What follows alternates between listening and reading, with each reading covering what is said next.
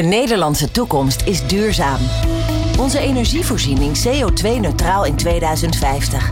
Hoe gaan we de energietransitie vormgeven? Wat betekent dit echt voor mens, natuur en maatschappij? En hoe kunnen we obstakels wegnemen om snelheid te houden? Dit is Energize, de podcast van Groen Leven. Hier nemen we met experts en betrokkenen de energietransitie onder de loep en zorgen we samen voor versnelling. Energize met Glenn van der Burg. 55% broeikasreductie in 2030 en klimaatneutraal in 2050. Nou, ondertussen als je naar dit programma luistert, dan heb je dit al wel vaker langsgekomen. Maar ja, dat is nou eenmaal waar we met z'n allen op afstevenen. De EU stemt eh, met Fit for 55 haar beleid af op juist die doelen. Met als grote doel uh, de mensheid, dat zijn wij allemaal, een duurzame toekomst te geven. Die toekomst ligt bij de kinderen van de huidige bestuurders, die zo'n beetje mijn leeftijd zijn, zo rond de 50. Maar hoe brengen we de jeugd niet alleen naar de keukentafel, maar ook aan de bestuurstafel? Hoe geven we jongeren een stem en invloed? Nou, daar gaan we het in deze aflevering van Impact over hebben met Mert Koemroe. Hij is voormalig VN jongerentegenwoordiger en uh, fulltime student. Daarnaast doet hij nog van alles en nog wat, zoals alle uh, jonge studenten dat tegenwoordig doen. En Roland Pechtold, uh, CEO van GroenLeven, is de gast. Ehm, ja, dus hou je vast. Zoveel uitdagingen, zo weinig tijd. Hoe doen we dat? Energize. Nou, Mert. Uh, ja, ja ik, uh, ik heb een hele simpele beginvraag. Uh, we hebben het over onze toekomst. Maar ja. die van jou die duurt wat langer dan die van mij. Ja. En die van Roland. Wij, zijn, wij hopen ongeveer rond dezelfde tijd de pijp uit te gaan. heb jij, samen. Hoe heb jij hem gepland eigenlijk? Wanneer ongeveer, denk nee, ik, heb wel, ik zeg vanaf mijn 29ste dat ik 73 jaar oud word. Drie, oh, oh, dat is niet maar, zo. Maar nu, nu ik dicht in de buurt kom, denk ik misschien kan ik het wel oprekenen. ja, nou, je, je, bent, je, leeft, je leeft gezond. Dus, ja. Maar ik pluk de dag. Ja, ja, maar nog een jaar of nou, als het nog 40 jaar is, dan hebben we het heel goed gedaan. Hè? Dan is het helemaal geweldig. Dan hebben we het heel goed gedaan. Worden steeds ouder. Dus. Maar, maar veel langer zal dat niet zijn. Uh, over 40 jaar, hoe oud ben jij dan? Dan ben ik uh, nou, net nog niet pensioensgerechtigd, dus uh, 65. Nee, wat zeg ik? 64. Ja, ja nou, dus nog lang niet. Nog lang niet. dan moet je zeker tot je 70ste door. Ja, zeker. Ja, dus we hebben het meer over jouw toekomst dan over onze ja. toekomst. Ja, wat, wat, ik altijd heel erg grappig vind, hè, is dat men dan zegt uh, de toekomstige generatie, of het is, jullie zijn de generatie van morgen. Maar dan zeg ik altijd van, nou, eigenlijk zijn we ook de generatie van vandaag, het heden. Dus ik bedoel, we leven samen in dezelfde tijd. Dus in die zin is het dan goed om dat intergenerationele gesprek nu eigenlijk aan te gaan, denk ik. Met je. Ja, dat, is, dat is het grappige natuurlijk, dat uh, de, de, de, beslissingen, uh, de, de daadkracht, die ligt bij nou ja, mensen van ongeveer onze generatie, ja. van Roland en van mij. Ja. Ehm, Jij bent VN-jongerenvertegenwoordiger geweest. Ja. Dat is er natuurlijk niet voor niks. En dat nee. hoor je ook de laatste tijd veel vaker. Dat er gezegd wordt van ja, we moeten eigenlijk al die generaties betrekken. Want het ja. gaat over iedereen. En, Absoluut. en zoals we het ooit gedaan hebben. Namelijk, uh, nou ja, je, je, je, leert, je wordt ouder, je wordt wijzer. En dan op een gegeven moment mag je, mag je aan het stuur komen te zitten. is een beetje achterhaald. Dus nou, dat, dat, dat doen we eigenlijk nu. Dus zeg het maar. De belangrijkste vraag aan jou is, wat moeten we doen? Ja, wat moeten we doen? Dat is eigenlijk wel de vraag die überhaupt als een soort van zwaard van Damocles boven ons hangt. Maar ik denk dat uh, we inderdaad met elkaar samen moeten gaan kijken naar de oplossingen van die we eigenlijk nu gepresenteerd krijgen. En het ironisch is misschien ook wel dat we veel te lang op die snoesknop hebben gedrukt met z'n allen. En dat we dus nu eigenlijk niet kunnen dan opstaan. En in die zin zeggen wij eigenlijk: zorg ervoor dat je samen met jonge mensen die beleidskeuzes gaat maken. En zorg ook voor dat je dat dus op een inclusieve en duurzame manier gaat doen. Dus met andere woorden, geloof ook in hun kunnen en ook in hun kunde. Want dat is nog te vaak een soort van idee dat ja, je moet eigenlijk jong zijn, maar dan wel met 30 jaar werkervaring of zo. Dat soort voorbeelden. En dat, dat kan natuurlijk niet altijd. Nee. Dat kan dus niet. Uh, en dan zeggen wij dus, zorg er gewoon voor dat je dat vertrouwen ook legt in uh, ja, de dingen die zij dus kunnen doen. En die wij dus ook al hebben gedaan in het verleden. Ik bedoel, kijk naar de protesten wereldwijd. Kijk naar de uh, plannen die jonge mensen presenteren. De, de COP26 afgelopen, hè, afgelopen editie. Jonge mensen staan overal aan de frontlinie. En niet heel gek natuurlijk, want wij gaan het langst leven met die gevolgen. Dus laat ons ook aan tafel zitten, zodat we die gevolgen kunnen beperken. Ja. Um, maak je je zorgen?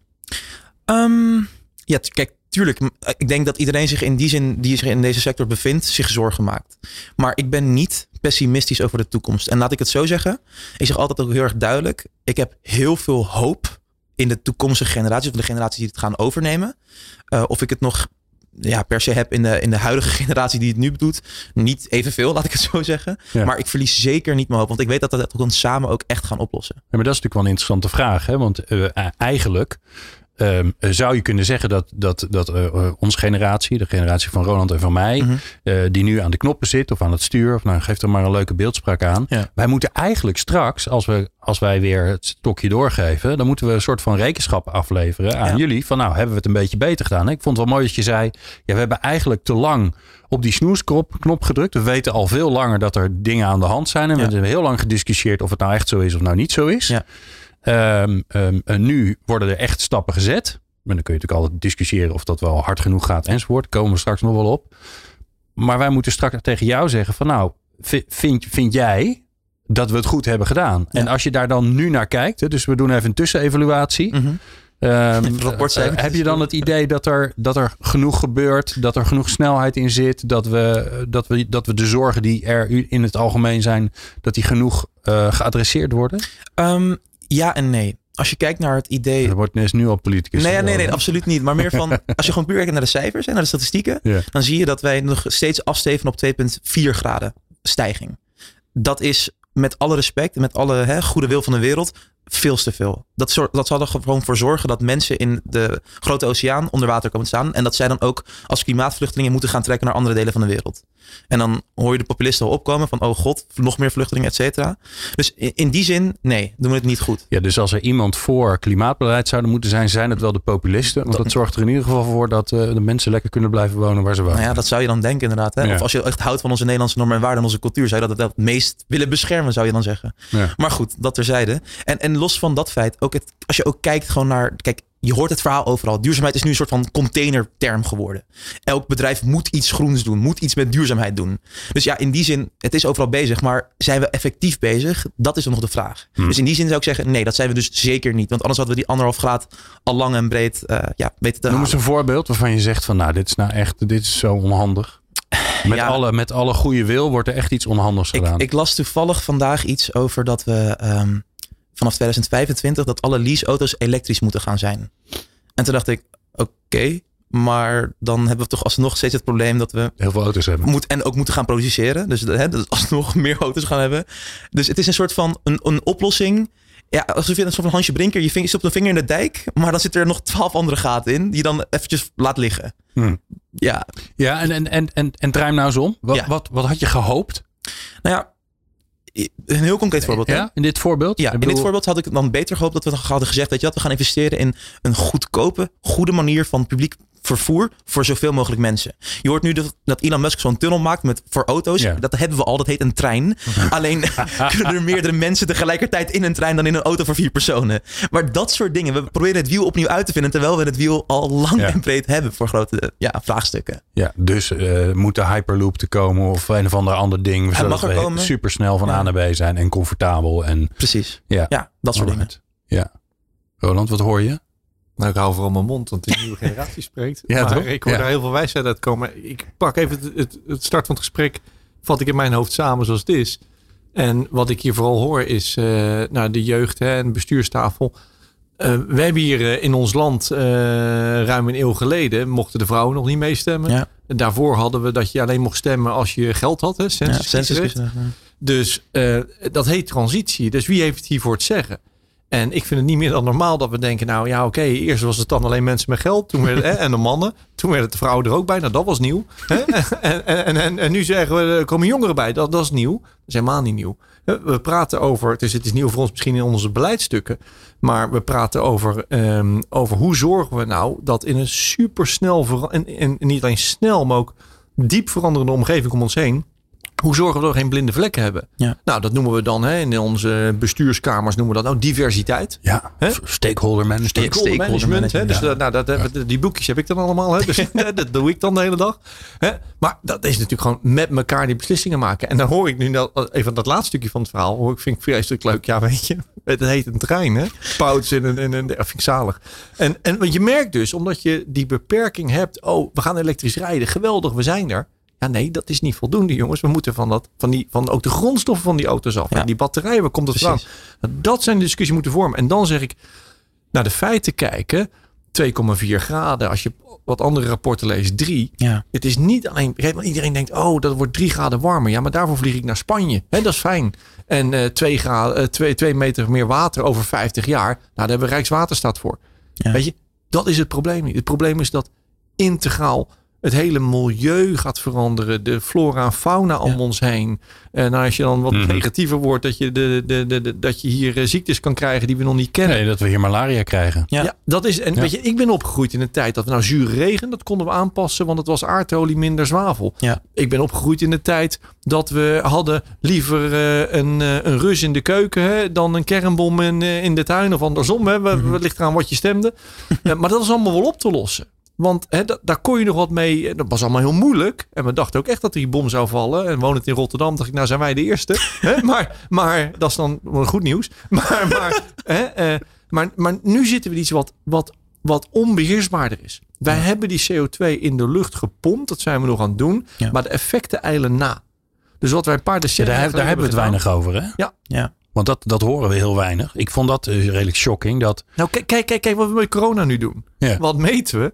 Wij meten het aantal nieuwe besmettingen om te voorkomen dat de ziekenhuizen vol Ja. komen te liggen. Dus wat we moeten meten is niet de CO2-uitstoot. nee, het is de uitstoot daarvoor, maar dan, dan even 20 jaar terug. Ja. Die curve met de, met de eh, promillage van CO2 in de lucht. Dat moeten we meten. Precies. En dat moet je voor. En als we nu stoppen, het is net een remmende auto, gaat het nog lang door. Ja. Hmm. Nou, weet je, ik wil ook wel positief eindigen. Het is vrijdagmiddag. Maar, maar dan, dan heb ik wel hele grote zorgen. Maar die zorgen zet ik om in, in diepe energie. Nou, hier Precies. te spreken met hoe gaan we dat aanpakken? Ja. Ja. En daar, maar daar komen we misschien later op. Hè, daar vind ik vandaag de dag, en ik kan een hele reeks voorbeelden gaan noemen. Dan zijn we nog niet met z'n allen op dezelfde pagina. voordat we daarheen gaan, nog even naar, naar Mert. Ehm, er zijn eh, doelen gesteld. Ja. Hè, ik noem ze al even in ieder geval de, de basisdoelen Precies. waar we het altijd over hebben. Die 55% broeikasreductie en, eh, en klimaatneutraal in 2050. Ja. Zeker daar, die, daar, daarbij aangevuld de Sustainable Development Goals. Hè, die natuurlijk over veel meer dingen gaan. Die Mhm. ook over gelijkheid gaan eh, op allerlei gebieden. Ja. Ook over economische ontwikkeling. Hoe zien we dat voor ons? Ja. Laten we dat niet vergeten. Ja. Want het is leuk als we straks die CO2 geregeld hebben. Maar dan zijn er nog een hoop andere Ja. vraagstukken in de wereld. Waaronder biodiversiteit, om er maar even in te noemen. En de meisjes in Afghanistan. En zeker, ja. En de vluchtelingen, nou ja, noem maar op. Hè. Er, is, er is nog eh, genoeg ellende om op te lossen, gelukkig. eh, voor ons allemaal. Ehm, hoe kijk jij naar die doelen die gesteld worden? Ja. Want dat is natuurlijk... Ik vind dat wel heel hoopvol dat ik die doelen terug zie komen bij heel veel bedrijven die hier langskomen om te praten over hoe, wat doe je nou eigenlijk zelf? Hè, Dus iets wat heel ver bij ons vandaan bedacht is, begint werkelijkheid te worden. Maar wat vind je dan van die doelen? Die doelen zelf zijn aan zich heel erg mooi. Ik bedoel, eh, misschien voor de wat oudere kijker, we hadden destijds ook natuurlijk de Millennium doelstellingen. Die hebben we niet gehaald. De SCG's op dit moment, we zijn niet on, on track om ze te gaan halen. Dat is gewoon de realiteit. Want mensen vergeten dat 2030 al over acht jaar is. Dat is gewoon één ja, basisschoolcarrière bij wijze van. Ja. Ehm, dus ik, ik zie de SDG's eigenlijk als het minimale wat we kunnen doen. En niet als het maximale. Want voor heel veel bedrijven en ondernemers zijn de SDG's... oké, dit is het maximale, dus we gaan er in de buurt van zitten. Maar eigenlijk is dat het minimum. Eigenlijk moet je zelf moeten ambiëren dat je meer kan doen dan dat. Dus ik zie die doelstellingen als een heel mooi eh, uitgangspunt... maar niet als de eindbestemming. Ik zie het meer als de reis er naartoe. Ja. Dat is hoe ik het zou zien. Ik vind dat je het mooi zegt. En, en om die analogie, dat vind ik een hele goede trouwens. Die basisschool, die ga ik ook gebruiken als dat van je mag. Eh, en dan eindig je met de verkeerde diploma. Ja, zeker. Ja, ja. Want als je hier doorheen komt Ja. en je denkt dat dat het was. Ja, Ja. je zit dan in een andere wereld. Ja, dan heb je over acht jaar communicatiewetenschappen gestudeerd. Nou, dat bedoel ik echt even Ja. als vanuit het bedrijfsleven. Je moet er nu op inzetten om, dat, om dan nog een businessmodel te Ja. hebben waar je centjes mee kan verdienen. Ja. Anders ben je eruit. Ja, dat vind ik interessant. En aan de andere kant, want ik, eh, ik loop al ook al een tijdje in deze wereld rond. Er zijn ook genoeg organisaties die te vroeg begonnen zijn. Ik ben Mm. daar zelf ooit één van geweest. Ik heb ooit een eh, detacheringsbureau voor mensen met een handicap gehad. Nou, dat was echt vechten tegen de bierkaai tot ik bijna omviel. Ja. En een paar jaar later kwam er ineens een quotum en dan ging alles vliegen. Dus ik was gewoon te vroeg. Dat kan natuurlijk ook.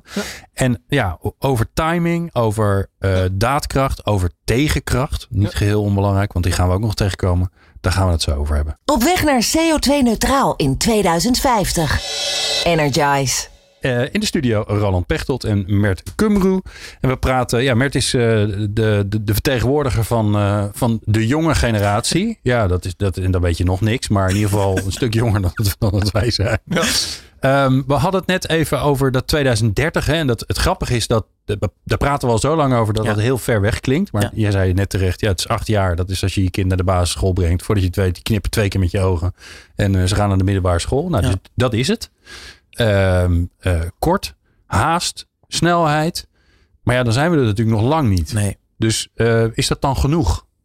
Nee, zeker niet. En eh, daarom moet je eigenlijk ook een- goed statistiek om te, be- om te beseffen. Op dit moment leven er 2 miljard mensen die het jaar 2100 kunnen gaan halen potentieel. 2 miljard mensen. Dat is gewoon een vierde van de wereld.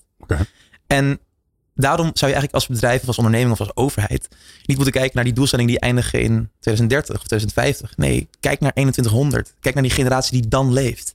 Zorg ook voor dat de generatie die in het jaar 2100 deze aarde nog moet gaan hebben, dat zij er echt een plek kunnen gaan hebben waar ze kunnen, kunnen leven, kunnen spelen en ook kunnen ondernemen natuurlijk. Maar meer, je moet je verder in gaan beelden dat de toekomst niet meer stopt over acht jaar. De toekomst begint dan pas, laat ik het zo zeggen. Het is eigenlijk een soort, soort ontwerpprincipe. Hè? Ja. Dat, je, dat je niet een, op, een probleem oplost en er stiekem een ander weer veroorzaakt. eh, Waar dan de volgende generatie mee zit. hè. Ik, zit eh, ik heb die discussie regelmatig met mensen die eh, vinden dat een elektrische auto niet duurzaam is. En dan zeg ik ja, dat, daar heb je vast gelijk in. Maar het is niet, we weten één ding zeker. In, die, in zo'n fosse- in zo'n eh, di- dino-poep eh, rijdende auto. Die is in ieder geval niet duurzaam. Nee, nee. En dat helpt, dat helpt in ieder geval niet in de transitie. Maar ze hebben natuurlijk zeker een punt. En dat vind ik, eh, dat, dat is voor mij wel de raakje met mijn hart.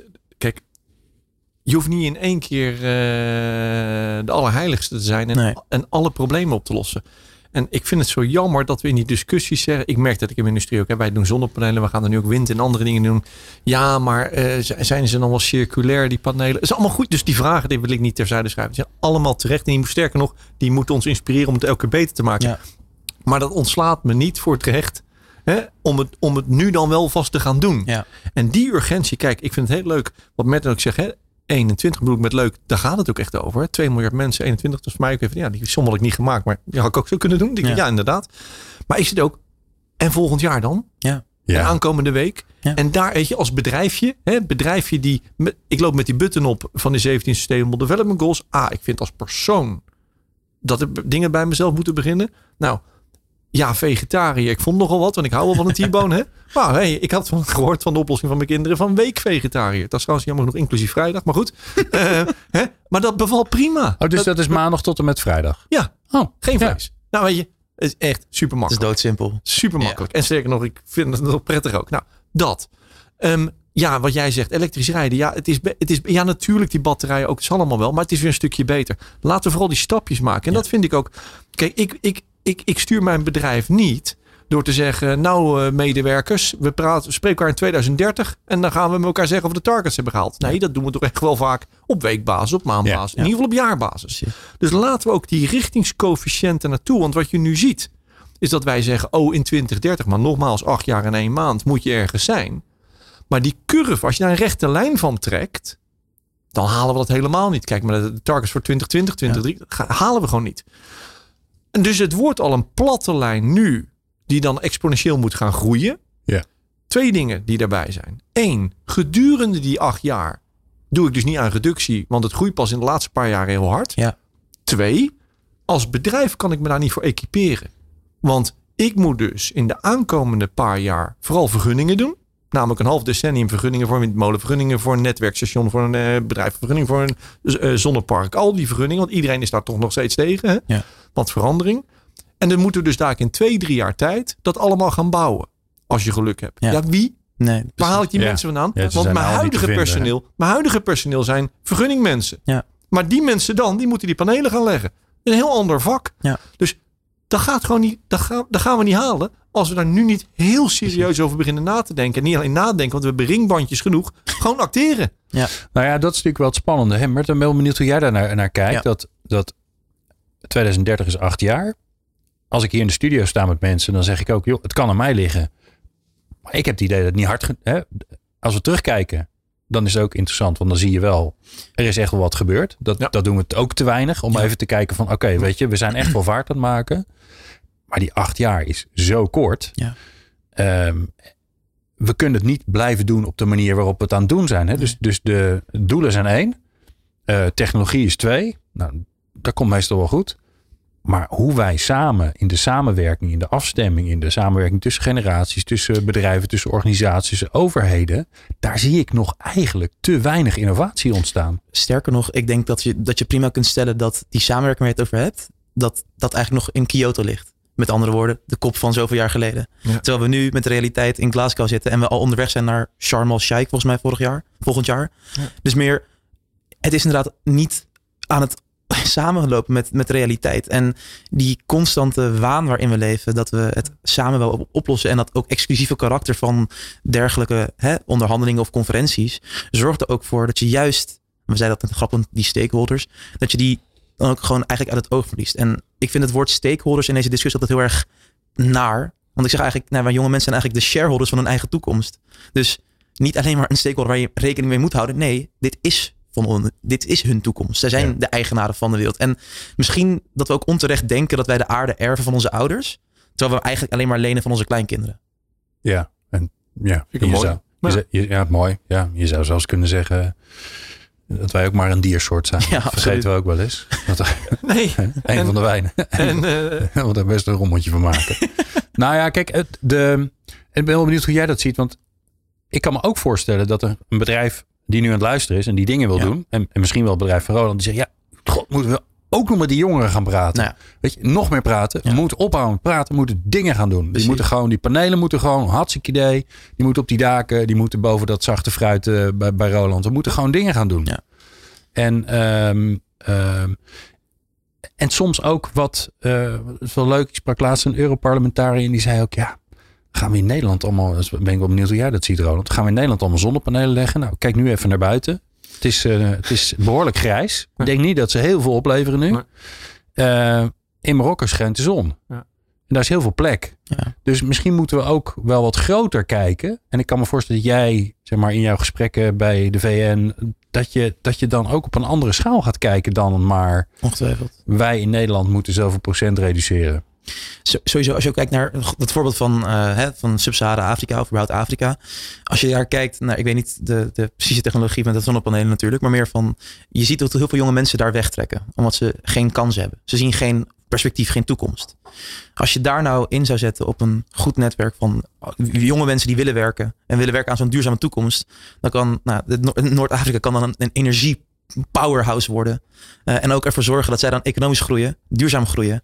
En ook echt een toekomst kunnen creëren Ja. voor de mensen die daar zijn. Dus dan los je al die problemen op, zou je denken. Ik heb me laten vertellen dat er een hele dikke kabel ligt van Spanje naar Marokko. Ja. Die daar ooit neergelegd is om Marokko van energie te voorzien. Ja. Maar die werkt ook de andere kant op.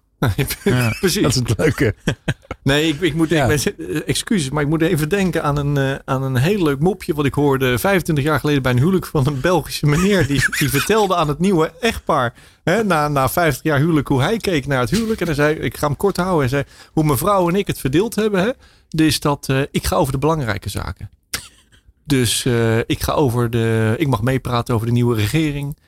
Ik praat over beleidsvraagstukken hier in de stad. En eh, dus de grote zaken zijn voor mij en de kleine zaken zijn voor mijn vrouw. Mijn vrouw spreekt over waar gaan we heen met vakantie, wat doen we met salaris en waar wonen we.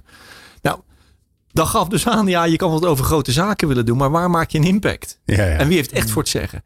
En, en ja, het klopt, geen panelen in Nederland, want we hebben hier maar duizend zonuren en in Spanje hebben die 2000 allemaal waar zijn. Ik denk dat we helemaal, de tijd Ja. is voorbij Nee, nee. dat, we, dat we opties hebben. Het zal all of the above moeten zijn. Exact. Ja. Ja. Hè? En, en, en laten we nou niet met elkaar gaan zeggen welke uitvinding is beter dan de andere. Laten we zeggen, nou, dit is een, dit is een goede.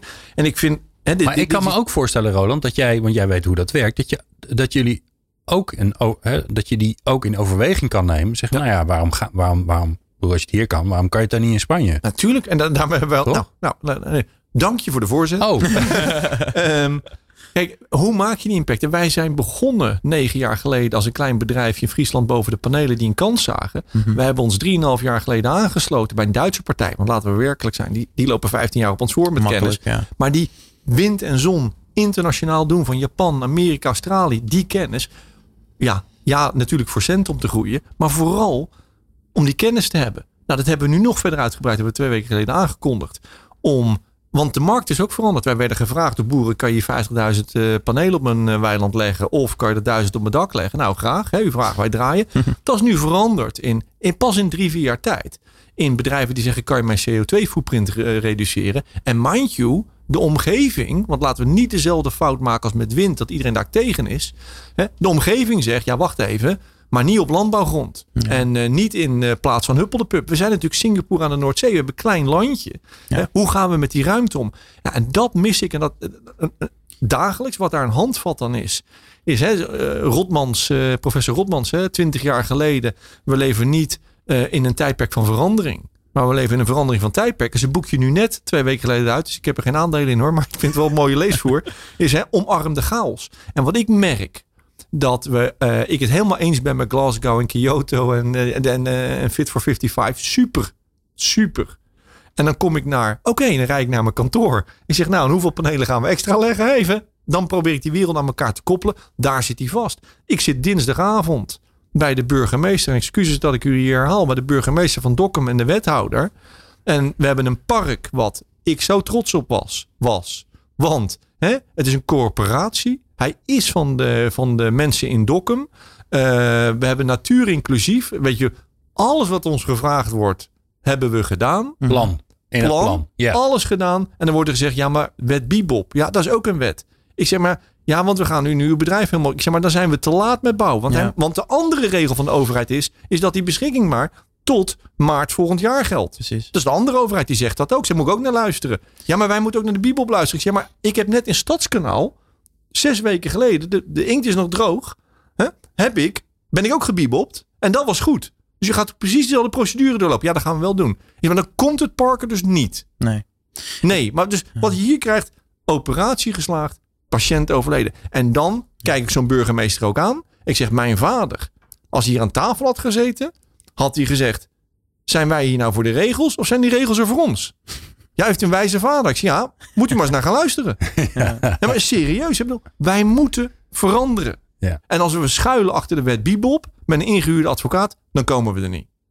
Nou ja, dat is natuurlijk het spannende. Hè? Eh, eh, die, die, die, die grote lijnen waar iedereen zegt van ja, dat gaan we zeker doen. En dan vervolgens loop je tegen dit soort dingen aan. Welke rol denk jij dat, dat juist jongeren daarin kunnen spelen? Want, want als je dit hoort, Ja. zo'n verhaal in Dokkum, dan zou je toch eigenlijk hopen dat de jeugd van Dokkum, dat die de straat op gaat en die zegt, ben je, zijn jullie helemaal van de pot? Ik heb de opmerking nog maar achterwege gelaten. Want dat is het voordeel van Ja. leeftijd. Dat je niet meer alles meer zegt wat in je opkomt. Hè? Maar we zaten daar uit te kijken over het grachtje van een van de elf stedentochten. Dat is Dokkum. Mhm. Ik zei, als we zo doorgaan, komt die elf stedentocht in ieder geval nog nooit meer. Nee. Hè, dat weet ik zeker. Ja. Nou, die heb ik dan nu dan wel verteld op Ja? de radio, maar Ja. die niet. Ja, ik denk eh, als je kijkt naar de klimaatmars waar ik toen de eer heb gehad om te mogen spreken daarvoor. Dat was, dat waren, daar waren gewoon meer dan 40.000, vooral jongeren die daar stonden. Ehm, dus heel vaak hoor je het verhaal dat jonge mensen moeten empowered worden of zo. Maar dat is niet zo. Die, zijn het al. Ja. Die weten al voldoende. Die zijn ook al heel erg on edge. Ze weten precies wat ze willen gaan doen. Eh, alleen wat we ook heel vaak zeggen is, we reiken dan die hand uit. Hè, van gaan met ons samen werken aan die oplossingen. Ik er zijn duizenden mbo'ers klaar om te beginnen. Die, die kunnen niet wachten om dit soort parken bijvoorbeeld te bouwen. Je hebt genoeg jonge mensen die een technische opleiding doen. Het aantal mensen die op de universiteit zitten nu is het hoogste ooit. Die willen gaan beginnen. Maar dan zie je de realiteit om ons heen. Je ziet dat ze eh, niet aan een baan, niet, niet snel aan een baan kunnen komen. Eh, de, de huisvesting is een ramp. Nou goed, dat is een andere discussie. Ja. Maar meer van ehm, de, hoe wij de, de manier waarop wij de economie hebben ingericht destijds. Dus is het echt, nou, met de Wassenaar-akkoorden waarschijnlijk nog. Die is niet meer up-to-date. En als je de nou, klimaatcrisis niet bestempelt als een crisis als bijvoorbeeld corona. Dan ga je ook inderdaad tegen dingen aanlopen zoals die wet Bibop. Ik ben zelf afgestudeerd jurist, dus ik, ik hoef de Bibop nooit meer te zien. Maar meer met in ieder geval dat je dat niet wil gaan doen. Precies. Ja. Maar, maar meer met dat soort tussenstapjes zijn gecreëerd in een wereld waarin er geen crisissen zouden zijn. Maar dat is niet de realiteit. Dus pas je dan ook aan eh, aan de hand van de situatie. Dus met andere woorden, we hebben geen tijd om te wachten. We hebben ook geen tijd om te verspillen. Laten we beginnen. En dus, en dat is heel makkelijk om dat hier te zeggen achter de microfoon. Hè? Tuurlijk, Maar ja. hoe beschermen we nou onze ambtenaren? Hoe geven Ja. we hen de ruimte om te kunnen acteren Ja. dat ze zowel de Bibop als het milieubeleid als de RVO-beschikking het beste kunnen doen? Hè, dus wat is de bedoeling van deze regelgeving? Want natuurlijk witwasgeld moet je tegengaan. Want morgen hebben we hier een audioprogramma over witwassen van drugsgeld. Ja. Dus natuurlijk moet dat er zijn. Alleen kijk even pragmatisch naar. Het is zes weken geleden gebeurd in je buurtgemeente. Ja. Zul je dat kopiëren? Ja. daar, maar daar moeten we hen de ruimte voor geven. Want we vragen hen ook zich aan de regels te houden. Ah, dat is zo lastig in die transitie. Om, re- om oude regels los te laten. Nieuwe te verzinnen en dan te omarmen. Ja, daar zitten we wel middenin. En dat vergt leiderschap. Ja.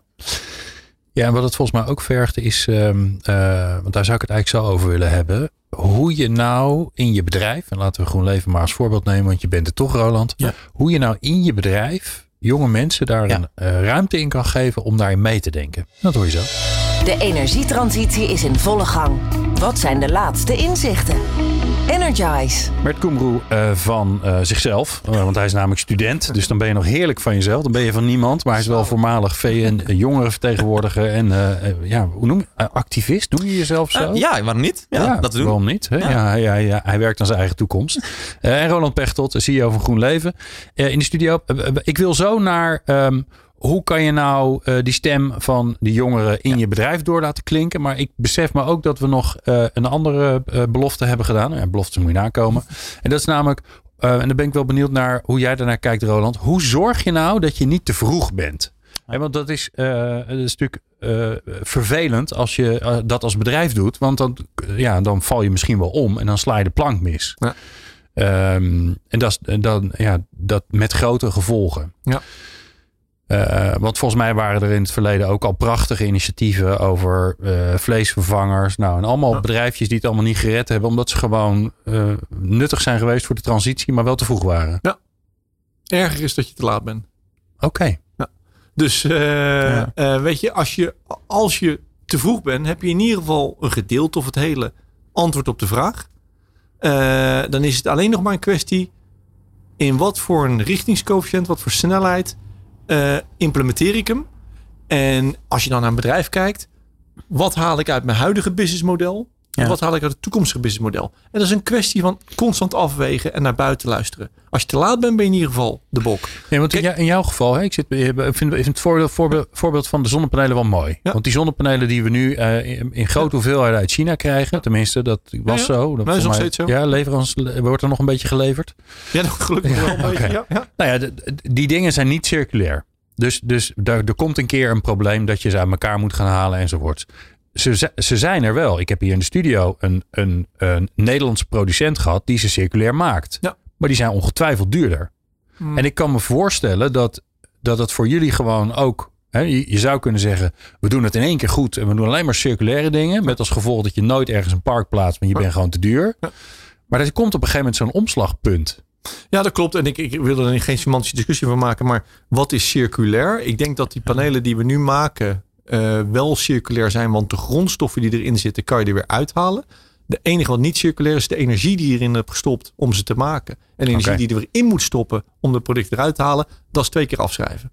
Hè, maar, maar de grondstoffen kan je blijven gebruiken. Wat met die nieuwe panelen uit Nederland wel is, die zijn een stuk lichter. Dus die kan je vaker toepassen op daken die niet aan kunnen.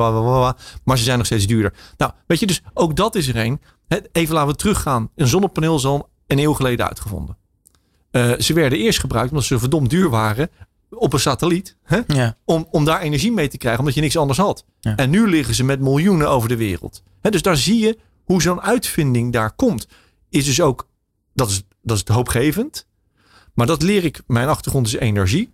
Elke vorm van nieuwe energie, voordat die iets bijdraagt. En iets is een paar procent en hopelijk vijf procent of meer. Duurt een paar decennium. Decennia. Dat is met olie geweest. Dat is met gas, dat is met kernenergie, dat is met wind, dat is met zon. We hadden het net over te vroeg of te laat acteren. Ik vind zo'n heel mooi bedrijf daarbij, Van Oort. Daar heb ik ook geen aandelen in, want dat is van de familie, dus dat kan niet. Hè? Maar hè, dus die baggeren bestaat al, ik weet niet hoe lang ze bestaan, 100 jaar plus. Hè? En die, die hebben een, een decennium geleden gezegd, ruim een decennium geleden, ja, weet je, we, we kunnen dat baggeren. en Dat, maar ja, die windmolens gaan ook iets worden. Maar gelukkig als familiebedrijf kan je rond de theetafel zeggen: Nou ja, geloven we erin? Ja, nou ja, oké, dan gaan we het doen. Ja. Dat je niet elke week aan je aandeelhouders hoeft uit te leggen wat je, hè, of je op plan bent. Want ja, weet jij veel. Het gaat gaat een keer, we geloven in de toekomst, maar we weten niet precies wanneer. Dus je merkt hier ook dat je aandeelhoudersstructuur een hele grote impact heeft op wat je kan doen in de toekomst. En bijvoorbeeld met zo'n Shell, ik heb er zelf gewerkt, hè, dat wordt nu erg in het verdomhoekje gezet. For all the right reasons, but also the wrong reasons. Hè. Want Ga het maar uitleggen aan je aandeelhouders dat jij gaat investeren in de toekomst. Dat ze echt hebben geprobeerd. Maar ja, jouw aandeel zakt daardoor omdat Exxon het niet doet. Hè, dus het is ook het systeem waarin die bedrijven zitten. Dan ga ik ze hier niet goed praten. Maar in ieder geval, zo'n Van Oort haalt nu, ik heb het jaarverslag niet aan mijn hoofd geleerd, maar een groot gedeelte, misschien wel de helft van hun kaststroom uit die windenergie. Ze zaten dus, hè, ze zaten goed, maar wisten ook niet precies wanneer en wat Ja. en huppelde. Dus dat vergt ook constant in met je omgeving eh, in touch zijn. En de eerste die zo, weet je, dan wordt het zo makkelijk in de langere termijn. De 17 Sustainable Development Goals, die zal je moeten omarmen. Want dat wil de jeugd, daar gaan we naartoe. Dus dat zal je moeten doen. De vraag is, ja, welke en hoe snel? En dan Ja. kom ik even bij gemeente Dokkum of Stadskanaal of Steenwijk. Hè? Ja, daar zit het probleem. Hoe zorgen we nou dat die, dat die kaders aangepast worden om die nieuwe, want eh, de techniek gaan we het altijd oplossen, dat is het probleem niet. Maar die techniek vergt nieuwe regels. Hè? Lees Harari. Die regels zijn uitvindingen van ons om onze omgeving begrijpbaar en Ja, manageable te Het maken. is een verhaal, hè? is een verhaal. We, we leven in een toneelstuk met z'n allen. En dan moet je dus aanpassen. Ja. Ja. Net als we aan het begin zeiden met het, eh, wie heeft die voor het zeggen? Eerst alleen maar mannen met eh, geld. En nu zijn we gelukkig een stuk verder. Maar dan is Ja. de vraag, wie wordt de souffleur van dit eh, toneelstuk? Nou, wat ik wel interessant Ja. vind, hè, de, de, de, de snelheid, maar ook eh, waar het naartoe gaat, is wat, wat is de rol van, van jongeren, of wat Ja. kan de rol van jongeren daarin zijn, om juist bedrijven zoals, eh zoals GroenLeven te helpen met, hé hey, Ja. jongens, hier denken wij over, dit zou er wel eens aan kunnen komen. Ja, nee, hele goede terechte vraag ook. Eh, we hebben afgelopen, eh, afgelopen week, vorige week was dat, tijdens het Nationaal Sustainability Congres eh, een manifest 2100 opgericht. Dat hebben we ook overhandigd aan eh Ingrid Thijs van VNO-NCW. En daarin hebben we eigenlijk gezegd dat wij pleiten voor een hele nieuwe, eh, ja, nieuwe omgangsvorm met het klimaat in het achterhoofd. We zeggen ook in het manifest dat anderhalf graad, dat eigenlijk dat het sentiment moet gaan zijn dat je als ondernemer ook gaat gebruiken. En dat je ook als bedrijf en als bestuurder plek gaat maken, plaats gaat maken voor die toekomstige generaties. Omdat zij dan samen met jou gaan werken aan die nieuwe bedrijfsvorm vorm eigenlijk. Dus wat zeggen wij dan? Ehm, je ziet nu dat heel veel van die eh, bestuursvoorzitters, hè, al die besturen, nou, met alle respect, niet per se een dwarsdoorsnede zijn van een samenleving. En daardoor is het beleid wat er geproduceerd wordt heel erg geconcentreerd op de kennis en de kunde van die groep mensen die daar zitten. Correct. En eh, uit onderzoek is gebleken, ik, eh, ik eh, haal hier ehm, ehm, Michael Sandel aan. Hij is filosoof en wetenschapper aan volgens mij Harvard in, ja, in Amerika.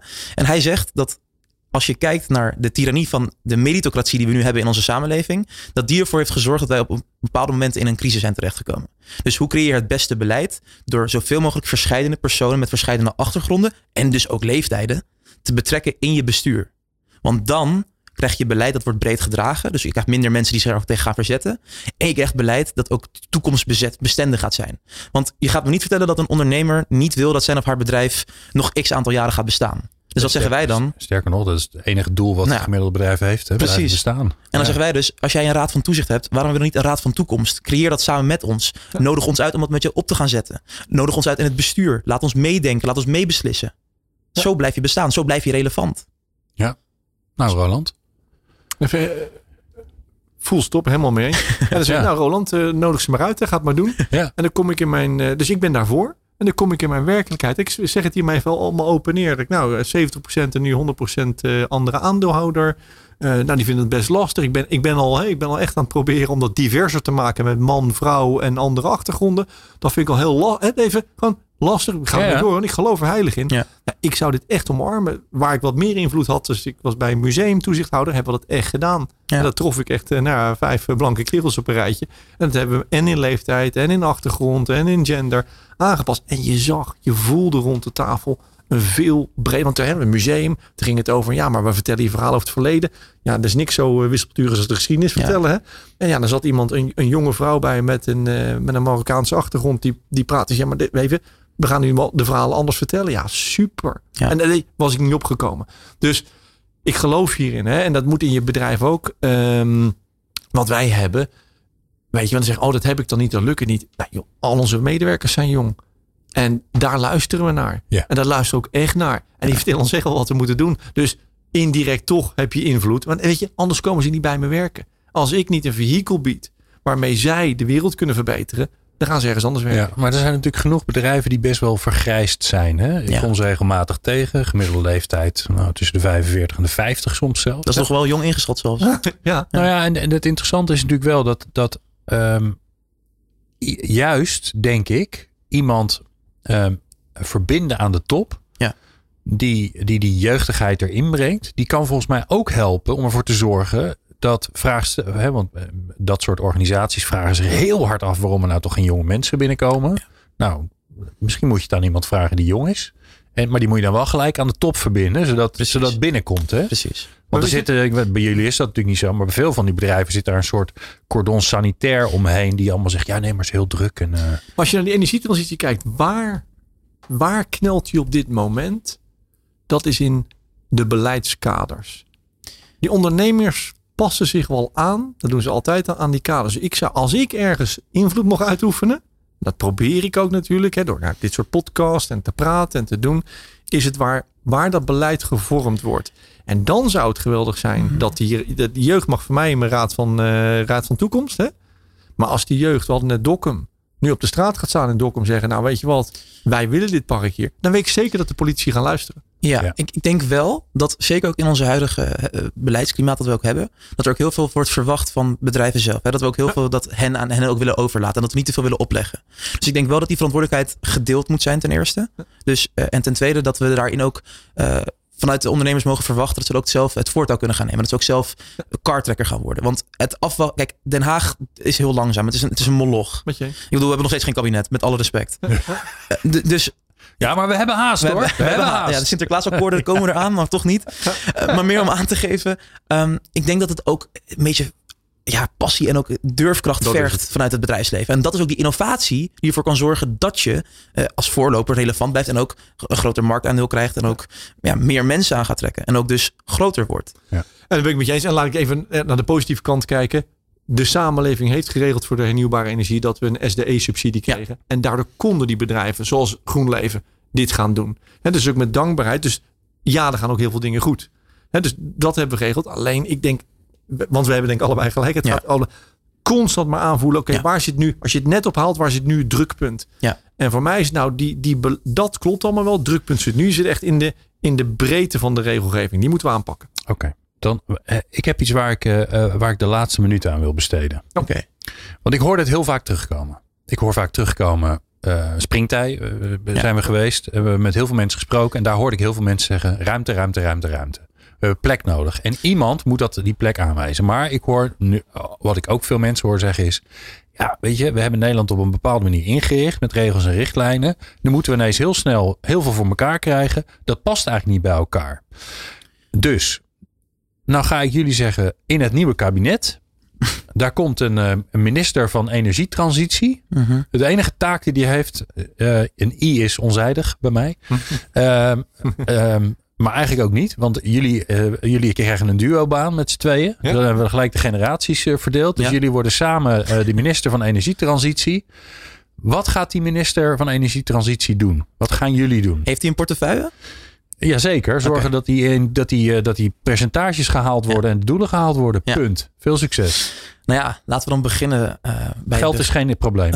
Fantastisch. Nou ja, dan, als we dit over die energietransitie hebben, dan moeten we natuurlijk beginnen bij eh, de, de, de banen van die energietransitie. Want dat is de kern. Je ziet nu Ah. heel vaak dat als je bijvoorbeeld kijkt naar de hoogovens, hè, dus de Tata Steels, dat daarin mensen zich zorgen maken om hun baanzekerheid. En dat is ook terecht. Want die ongelijkheid groeit ook tegelijkertijd met die klimaatcrisis. Hè. Dus de aarde warmt op, maar de ongelijkheid stijgt ook. Dus je begint te kijken naar hoe kan ik ervoor zorgen dat de mensen die die transitie moeten gaan bewerkstelligen en gaan bekostigen, hoe kunnen zij een baanzekerheid krijgen? Hoe kunnen zij baanzekerheid hebben? Dus dat is stap 1. Ah, mooi. Ja, die zag ik niet aankomen. Ja. Mag ja, ik dat ja, doen? ja, nee, hebt een duobaan. Leuk. Je- je- een duobaan, dus eh, eerst moeten jullie het eens worden. Eh, En ik, ik, de- ik denk eh, dat je daar al een hele belangrijke te pak hebt. Want, eh, eh, en ik wil hem breder trekken, maar ik vind dit een voorbeeld ervan. Eh, het draagvlak. Het draagvlak in de samenleving. En, en arbeid. Precies. Hè, want wij kunnen hier heel leuk praten, maar de meeste mensen willen toch. Hè, dan is de maand langer dan de salarisstrook. Hè? 100%. Ja. Dus hoe zorg je dat die zeggen, ja, dit, what's in it for me? Ja. Nou, dat is baanzekerheid, vind ik een hele goeie.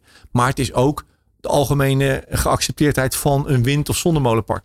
Of, of zonnepark. En dat begint dus het uit te leggen. Het uit te- waarom we dit doen. Want veel mensen, we- mensen zijn niet zo slecht. Hè? Maar ze begrijpen niet waarom dat daar komt. Nou, als je dat uitlegt en dan zeggen, wat in het voor me? Banen, maar ook andere dingen. Joh, we zorgen dat natuur inclusief wordt. Weet je wat? We zorgen dat sociaal inclusief wordt. En daar strijd ik ook voor met GroenLeven. Wij noemen dat nu energielandschappen. Dus zorg maar dat daar iets komt waar hernieuwbare energie komt. Ja. Maar we gaan niet aan u vragen of het er komt. Want dat hebben we al in Parijs afgesproken. Ja. Dat het er komt. We gaan u vragen hoe het er komt. Precies. Nou, en die hoe, dan gaan we, moeten wij als bedrijfsleven heel goed luisteren naar de omgeving. En dan moeten we ook echt, en dan zullen wij economisch echt wel wat water bij de wijn moeten doen. Maar zeggen, nou, dat moet dus natuurinclusief en sociaal inclusief. Maar jullie zijn de minister van Energietransitie. Hoogovens en ja. uh, hoogovens, Tata, Tata Steel, ja. Uh, staal maken. dat is een mooi voorbeeld. Ja. Die, die stoten nogal wat CO2 uit. Hè? Ja. Daar kun je flink wat uh, huishoudens tegenover zetten. Zeker. Wat ga je daarmee doen?